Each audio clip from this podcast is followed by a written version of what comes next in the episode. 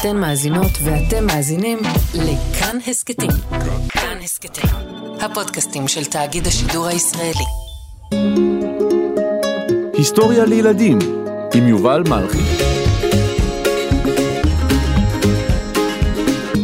ברל כצנלסון.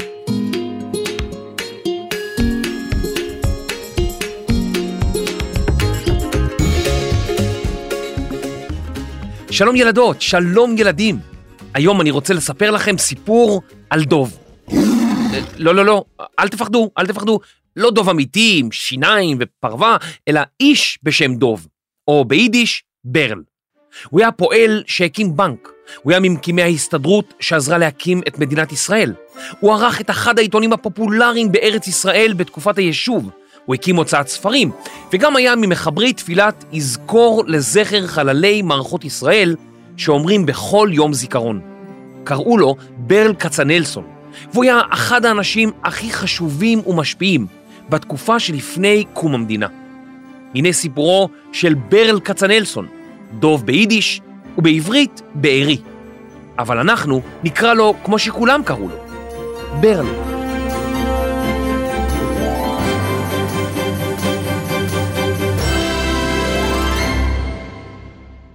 ברל יעקב כצנלסון נולד בתחום המושב היהודי של האימפריה הרוסית ב-1887.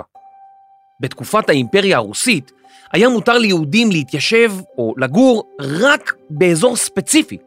האזור הזה נקרא תחום המושב היהודי. כן, זה לא כל כך פייר, אתם צודקים. ברל נולד לאחת המשפחות הגדולות, העשירות והמיוחסות באותו האזור, משפחת כצנלסון. אבל הוא לא נולד למשפחה עשירה, אלא דווקא לחלק של משפחת כצנלסון שהיה פחות עשיר. ופחות, ופחות. ברל היה ילד שמח ויפה תואר. הייתה לו רעמת טלטלים שחורים, ושפם. לא, שפם זה אחר כך. מה פתאום, בתור ילד, לא היה לו שפם, הוא היה ילד, זה, זה אחר כך, זה אחר כך. אבל לרוע המזל, ברל חלה לעיתים קרובות, ולכן, במקום לשלוח אותו לבית הספר, אבא שלו הזמין עבורו מורים פרטיים שהגיעו ללמד אותו בבית. בגיל שמונה, ברל קיבל מתנה מיוחדת מאביו, ספר ילדים בעברית. כך הוא התחיל ללמוד את השפה. עד גיל עשר, ברל כבר קרא ספרים רבים אודות ארץ ישראל וההיסטוריה של העם היהודי. רק אז הוא החל לקרוא ספרים גם ברוסית. לא היה לו קל לברל להיות בבית כל היום בחברת מבוגרים. כמעט ולא היו לו חברים בני גילו, והוא נאלץ להשתתף בשיחות של מבוגרים.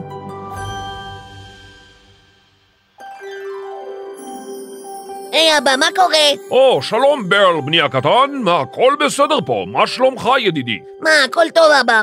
אה, רוצה תופסת? תופסת? לא, לא, זה משחק של ילדים. רוצה מחבואים, אני אתחבא כזה, ואז אני אומר אחד, שתיים, מי שעומד מאחוריי, מעליי, מתחתיי, מצדדיי, אה, אתה רוצה? לא, לא, זה, אני לא אוהב מחבואים, משחק של ילדים. אוקיי, אתה רוצה שוטרים וגנבים, רוצה אה, תופסת זומבים, רוצה, רוצה משהו? אבל אני לא יודע מה אתה אומר, זה מילים בכלל שלא היו קיימות אז, איזה מין מוזר אתה. לא, לא, אני, אני בן אדם מבוגר, צריך לעשות דברים של מבוגרים. אוקיי, אבא, רוצה לדבר על הפרזנטציה של הדקלרציה של האמנסיפציה? מה, מה זה? מה, מה? אה, אה, אוקיי, מחבואים.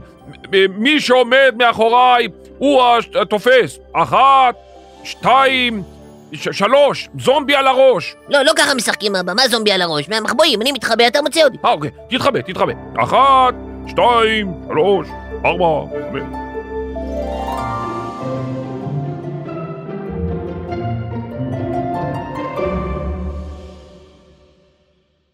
כשהיה ברל בן 12, נפטר אביו מדלקת ריאות, ואימו נאלצה לצאת ולפרנס את המשפחה. היא רכשה חנות קטנה בשוק המקומי ועבדה בה במשך כל היום. ברל הצעיר, שהיה בכור מבין שישה ילדים, נאלץ להשגיח על אחיו ואחיותיו, ואף היה אחראי על חינוכם. לאחר שסיים את לימודיו, ברל עבד כמורה נודד במשך כמה שנים. הוא טייל ברחבי תחום המושב, והעביר שיעורים פרטיים לילדים של משפחות עמידות או עשירות תמורת מגורים. יום אחד, בשנת 1902, הלך ברל לכנס של תנועה חדשה שהתחילה לצבור תאוצה ברוסיה. הצנוניות, הציונות, ציונות. התנועה הציונית קראה להקמת מדינה לעם היהודי בארץ ישראל. בעקבות הכנס הפך ברל לציוני נלהב ונשבע לפעול להקמת מדינה לעם היהודי. שנתיים לאחר מכן, ברל היה עד לפוגרום בעיירה סמילה, כיום במרכז אוקראינה.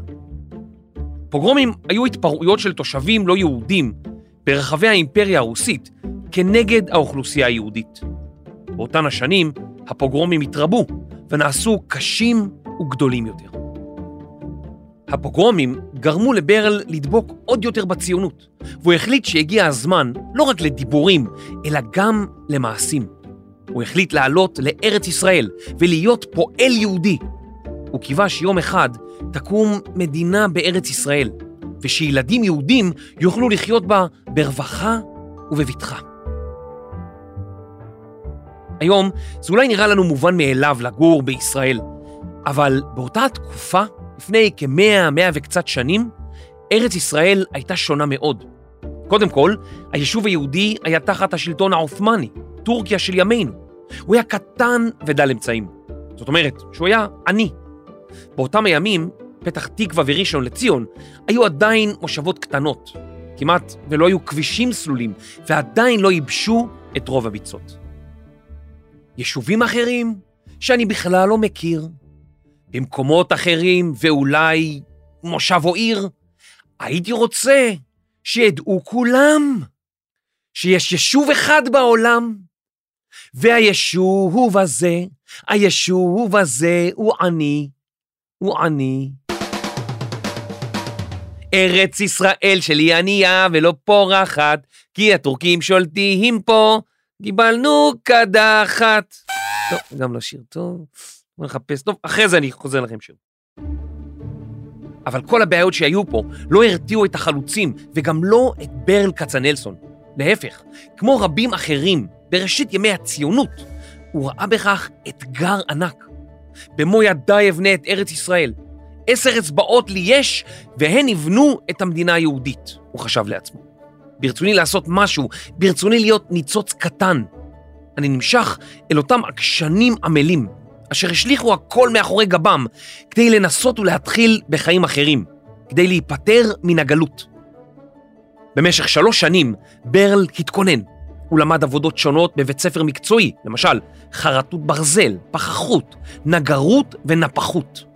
הוא למד איך מכינים מעץ מיטה, איך הופכים גוש ברזל לגדר, איך מערבבים בטון וסוללים כביש ועוד דברים, כדי שבבוא הזמן יוכל לעזור ולהקים מדינה.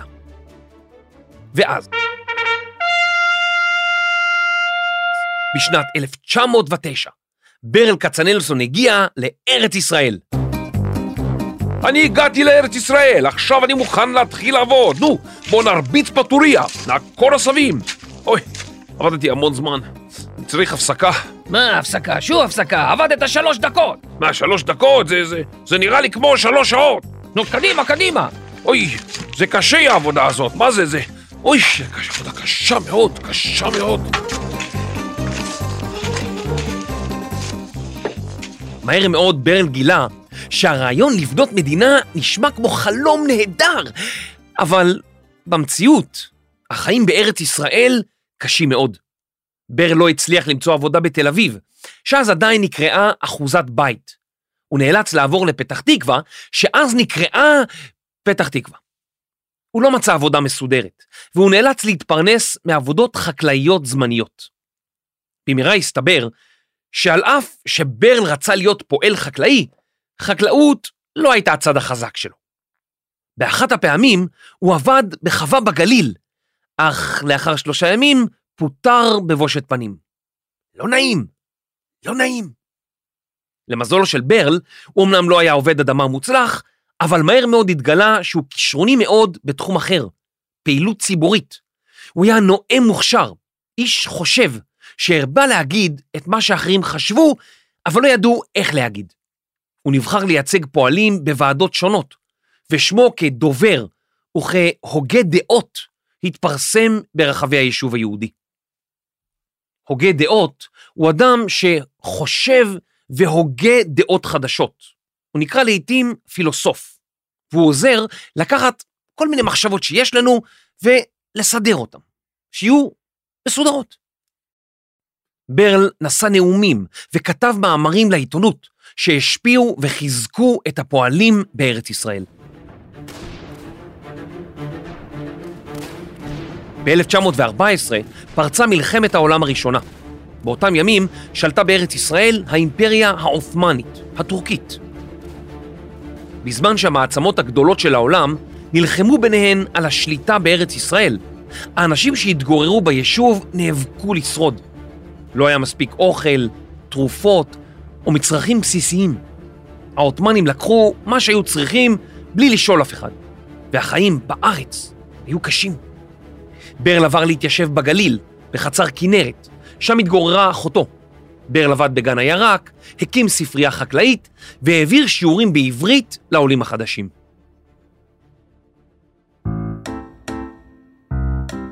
טוב, כולם מוכנים לשיעור בעברית? קדימה, אנחנו נלמד עכשיו עברית כמו שצריך. אני, יש לי חבר שהוא נסע בזמן והביא ספר של עברית ממדינת ישראל שנת 2023, ואנחנו נלמד את המילים הנהדרות שיש שם, אנחנו... עברית זה עברית, זה אותו דבר, אז לא תהיה לנו בעיה. טוב, אתם מוכנים בבקשה. מילה ראשונה, בחייאת זומזום. בח... בחייאת, אני לא, לא, לא יודע מה זה אומר. אה, נעבור למילה הבאה. כשהכול טוב, אומרים סבבה אגוזים. סבבה אגוזים, זה, אולי, אולי זה מאכל, כזה שאוכלים, סבבה. טועמים, לא, אגוזים, אני, אני לא יודע בדיוק, לא. נעבור, נעבור לבא. אל תביא לי את החלסטרה. מה זה אומר? זה, זה, אולי זה ש... לא, אני לא צריך את החלסטרה, כי השחקתי מהשכן, אז לא צריך, אל תביא לי את ה... לא יודע מה זה אומר גם, זה... מה זה, שפה עברית? בטוח? בוא, בוא נראה, יש פה גם uh, דאווין, דאווין, לא יודע, מה זה, ודוגרי, ש, שמישהו אומר משהו ואתה מסכים איתו, אתה אומר דוגרי, דוגרי, מה זה? מילה קשה. טוב, יש פה עוד כמה, עוד כמה, בטוח חלק מהם אנחנו נבין, כשמשהו טוב אומרים חבל על הזמן. אז אם זה טוב, למה חבל על הזמן? זה לא, זה הפוך, זה משהו פה לא... נעבור למילה הבאה, הלך עליי. אז, אז כמו שאני אולי נוסע לסין ומישהו עושה לי מסאז' והוא הולך עליי. לא, לא, הלך עליי, זו סיטואציה לא טובה. Hmm. טוב, נשארה פה מילה אחת, מה, מה כתוב? בוא נראה, פקצה. פקצה, זה כמו פוקצ'ה, אוכלים את זה, לא? מה כתוב פה? מישהי שהיא קצת סנובית, פקצה. טוב, אני אני חוזר לעברית של, של, של ימינו, העברית של העתיד, אני לא מבין מילה. מילה.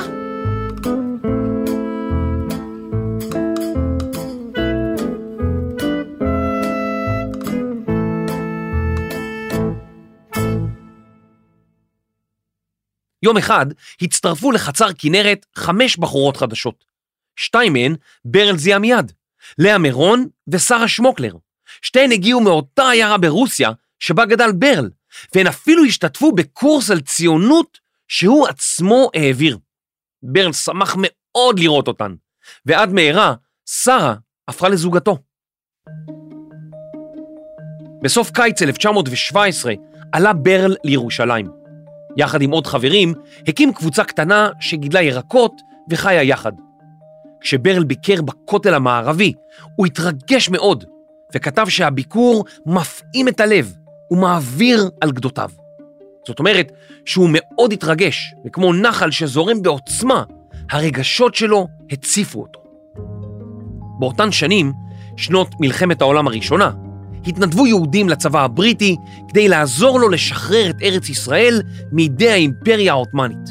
הם נקראו הגדודים העבריים.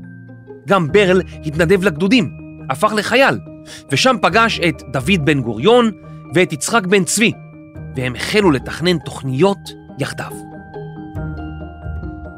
לאחר שהמלחמה הסתיימה, ברל חזר אל שרה, אולם שרה הייתה רוקחת וטיפלה בחולים במחלות מדבקות, הקדחת והטיפוס, לצד הדוקטור הלל יפה, שעל שמו קרוי בית החולים בחדרה.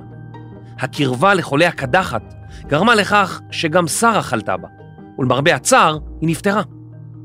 ברל נעצב מאוד, ובזמן הלווייתה התעלף. זמן קצר לאחר מכן, ברל וחברתה של שרה, לאה מירון, הפכו לזוג. ברל ולאה נשארו יחד כל חייהם, אך הם מעולם לא התחתנו ולא הביאו ילדים לעולם.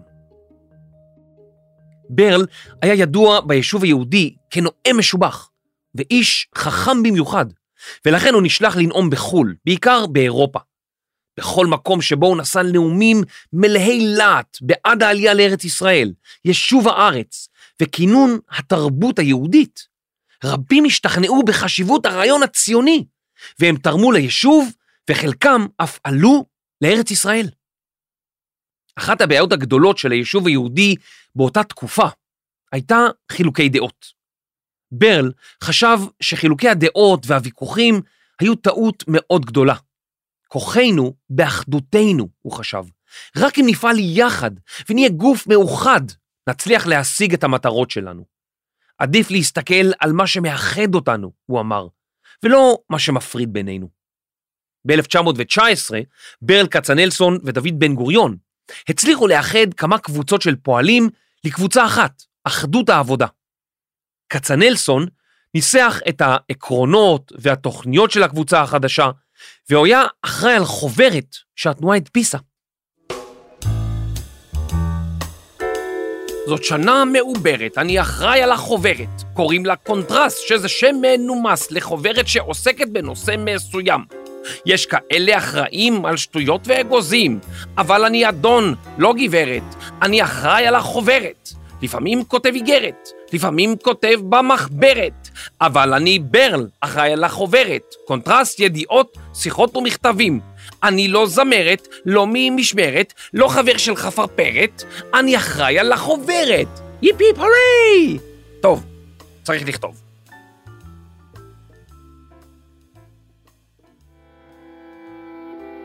ב-1920 התרחשו מאורעות תל חי, שבהם נהרגו שישה יהודים ובהם יוסף טרומפלדור. זה היה אירוע מאוד טראומטי ליישוב. כצנלסון חיבר תפילה לזכר הנופלים, שפורסמה בחוברת התנועה.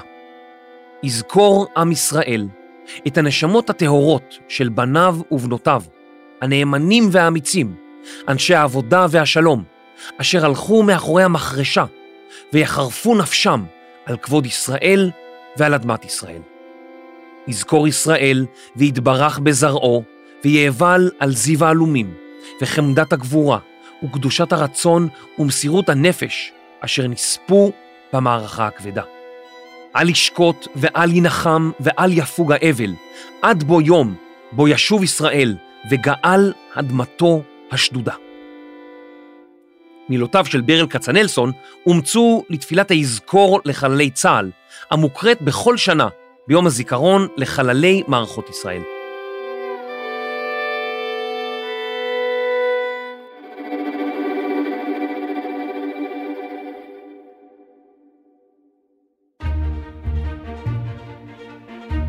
ברל כצנלסון היה מעורב מאוד במאבק נגד ההגבלות על העלייה לארץ ישראל, שהטילו השלטונות הבריטים. הוא הוביל קו לוחמני נגד הבריטים, שהתנגד להגבלות ולכל פשרה בנושאי הגבלת עלייה יהודית או חלוקת ארץ ישראל. באחד מנאומיו המפורסמים, כנגד הגבלות העלייה על ידי הבריטים, הוא אמר, לא בחסדכם ניתנה לנו הארץ, ולא בזדון רמייתכם תסכלו אותה מאיתנו. לא תאכלו לנו. בראשנו ננפץ את בריחי הברזל. ברל אמר שהזכות של היהודים על ארץ ישראל לא ניתנה לעם היהודי על ידי הבריטים, ולכן לבריטים אין שום סמכות להגביל את העלייה לארץ. העם היהודי יצליח לשבור או לנפץ את ההגבלות שהבריטים הטילו. בראשנו ננפץ את בריחי הברזל, הפך לסיסמה מפורסמת, אבל ברל לא ניסה את זה. זה כואב מדי לנגוח בברזל. אאוץ'. ברל הבין את הצורך לאחד אנשים, והוא איחד שתי קבוצות פועלים גדולות שוב פעם, והפעם הוא עזר להקים את ההסתדרות הכללית של העובדים בארץ ישראל, ארגון שידוע בימינו בתור ההסתדרות החדשה. לצד ההסתדרות הוקמו ארגונים נוספים, שנועדו לדאוג גם הם לפועלים. סולל בונה שעסקה בבניית כבישים, קופת חולים כללית שסיפקה שירותי רפואה לפועלים, בנק שנקרא בנק הפועלים, והמשביר לצרכן, חנות שאפשרה לפועלים לקנות דברים במחירים נוחים. בר לקח חלק פעיל בהקמתם, קידומם וגיוס כספים כדי להפעיל אותם. וכמובן, הוא מונה להנהלה של כל הגופים הללו. אתם מבינים? כל הגופים שעזרו להקים יישוב יהודי, ולימים מדינה. כל הגופים האלה, ברל היה בהנהלה שלהם, התווה את הדרך ועזר לקבל החלטות חשובות. הוא היה לאחד האנשים הנערצים ביישוב היהודי באותם ימים. פועלים צריכים לא רק עבודה, בנק, קופת חולים וחנות לקנות בגדים.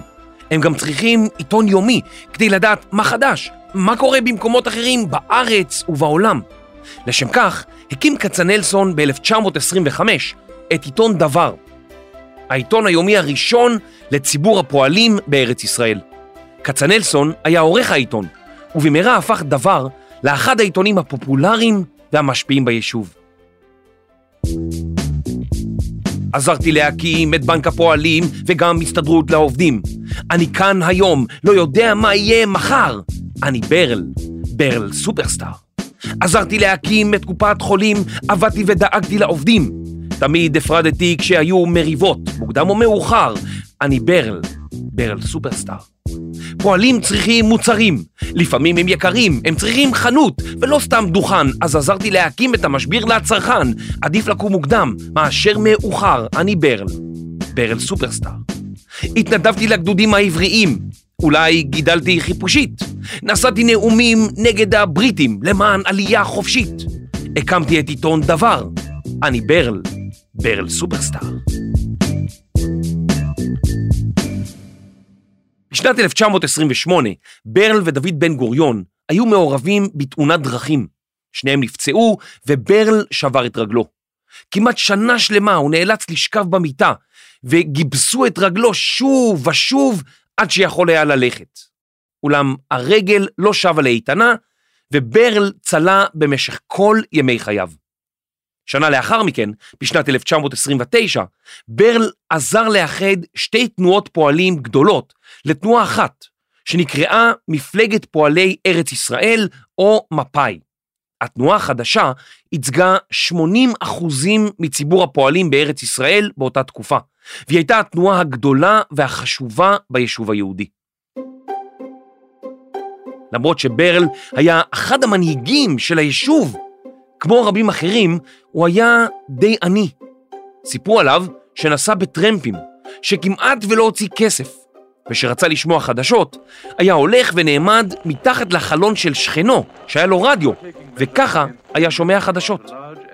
בבית לא היה לו וללאה מקרר, לא היה לו שעון יד, ורק בסוף שנות ה-30 הוא קיבל שעון לביתו, כדי שיזכור מתי לקחת את התרופות שלו. מה שכן היה לו בבית זה טלפון. בשנת 1934 התקינו בביתו ברחוב מאזה בתל אביב מכשיר טלפון. מספרו היה 34. כן, כן, 34. שלום, אני מדבר עם uh, משה? לא, לא, כאן ברל כצנלסון. אה, סליחה, אה, קשרתי 35. אה, לא, לא, אני 34. אה, קשרתי מספר אחד יותר מדי. אוקיי, אה, תודה לך, ברל. להתראות. לא, ודש למשה. מה, אתה, אתה מכיר אותו? בטח, היישוב קטן, כולם מכירים את כולם, אני יודע מי זה 35. תגיד לו שברל מוסר לו דש חם, ושלא ישכח להחזיר לי את הצנצנת עם הדבש שהבאתי לו לפני שנה. אה, בסדר, אני אגיד לו. אה, ברל, דרך אגב, אשתך לא החזירה לי את הקערה הגדולה הזאת של הפירה שהבאתי לכם, אתה זוכר? אה, נכון, נכון, אה, אני העברתי את זה ל-36, תבדוק אצלו. אה, תודה, ברל, להתראות.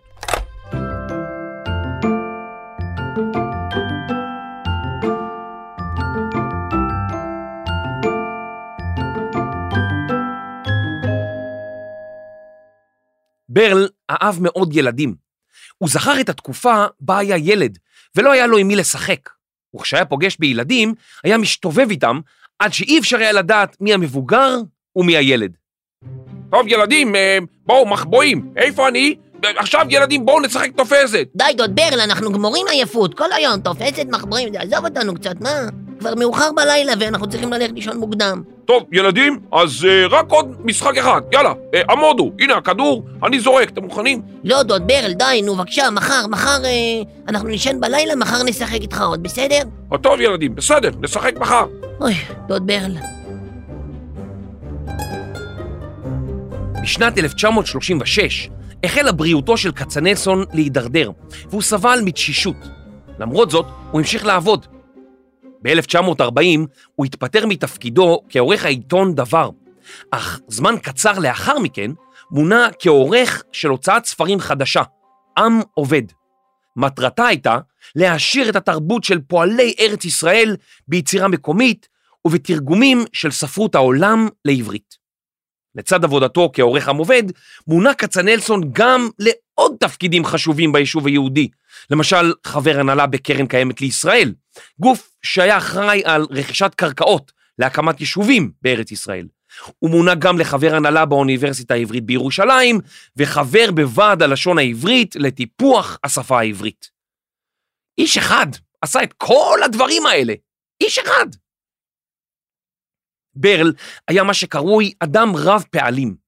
הוא עסק בתחומים שונים בו זמנית, והיה עסוק מאוד. כל עיסוקיו נועדו למטרה אחת, להביא להקמת מדינת ישראל ולקדם את התרבות העברית. כל העבודות האלה הפכו אותו לאחת הדמויות הבולטות והחשובות ביישוב העברי. כצנלסון כיבד מאוד את המסורת היהודית. מדי פעם הוא למד דף גמרא, והוא דרש שמטבחי הפועלים יהיו כשרים, כדי שגם הפועל הדתי יהיה חלק מהתנועה בכל מקום אשר ילך. הוא דרש לשמור את השבת, וטען כי עם ישראל חייב לשמור על מסורת ישראל, בדרכים כאלו ואחרות, אבל לא לוותר עליו לגמרי, כפי שרצו אחרים. אני גם חושב שיום שבת הוא יום מאוד מיוחד. הוא יום שצריך להקדיש אותו אולי לטיולים, אולי לזמן משפחה, אולי לבית כנסת. כל אחד עושה בשבת מה שהוא רוצה, אבל זה יום חשוב מאוד. יום מנוחה. בקיץ 1944, בגיל 57, ברל הלך לעולמו. ארונו הוצב בכניסה לבניין הקרן קיימת לישראל בירושלים, ונשאו אותו אנשים חשובים כמו דוד בן גוריון ואחרים. הארון הועבר מירושלים לתל אביב, שם חיכו לארון עשרות אלפי אנשים. לאחר תהלוכה ברחובות תל אביב ותפילה בבית הכנסת הגדול, יצאה שיירת מכוניות עם ארונו של כצנלסון לגליל. בכל מקום שעברה השיירה, אנשים עצרו מעבודתם וחלקו לו כבוד אחרון. באותו ערב הגיעה השיירה לבית העלמין בקבוצת כנרת, שם מצא ברל שלוות עולמים. לכל אורך חייו פעל כצנלסון לאיחוד ביישוב היהודי. הוא האמין שרק פעולה משותפת יכולה להשיג את התוצאות הרצויות. הוא היה מאותם חלוצים שהגיעו לארץ ישראל וחשב על טובת הכלל, על אחרים, הרבה לפני שחשב על עצמו. הוא מעולם לא הוציא ספר, וניתן ללמוד עליו בעיקר מכתביו ומספרים שכתבו עליו אחרים, כמו למשל הפרופסור אניטה שפירא, שכתבה את הספר ברל, אודות חייו. דוד בן גוריון אמר עליו כי איני מכיר בדורנו מישהו הדומה לו בתבונתו, בחזונו, בכנותו, בעוצמתו המוסרית והאינטלקטואלית, בעומק הבעתו ובברק סגנונו, בכתב ובעל פה, באומץ ליבו, בחושיו, וכמובן במסירותו האינסופית. הוא קרא לו מורה הדרך לכל הדורות הבאים. אנחנו לא הכרנו את ברל, אבל הוא כנראה היה איש מיוחד מאוד.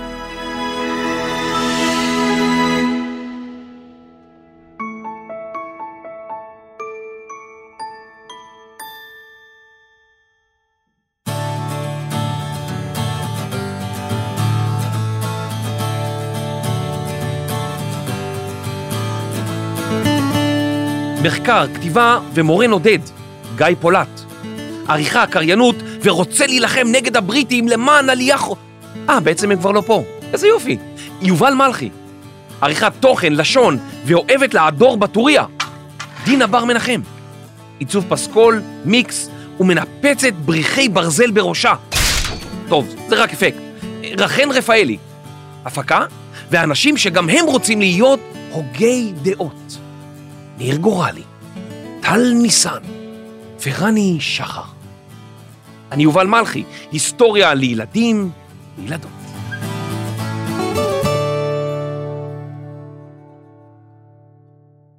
היי, תודה שהאזנתם. אני ממש אשמח אם תדרגו אותנו בספוטיפיי ובאפל ותשאירו תגובה. זה משמח אותנו מאוד.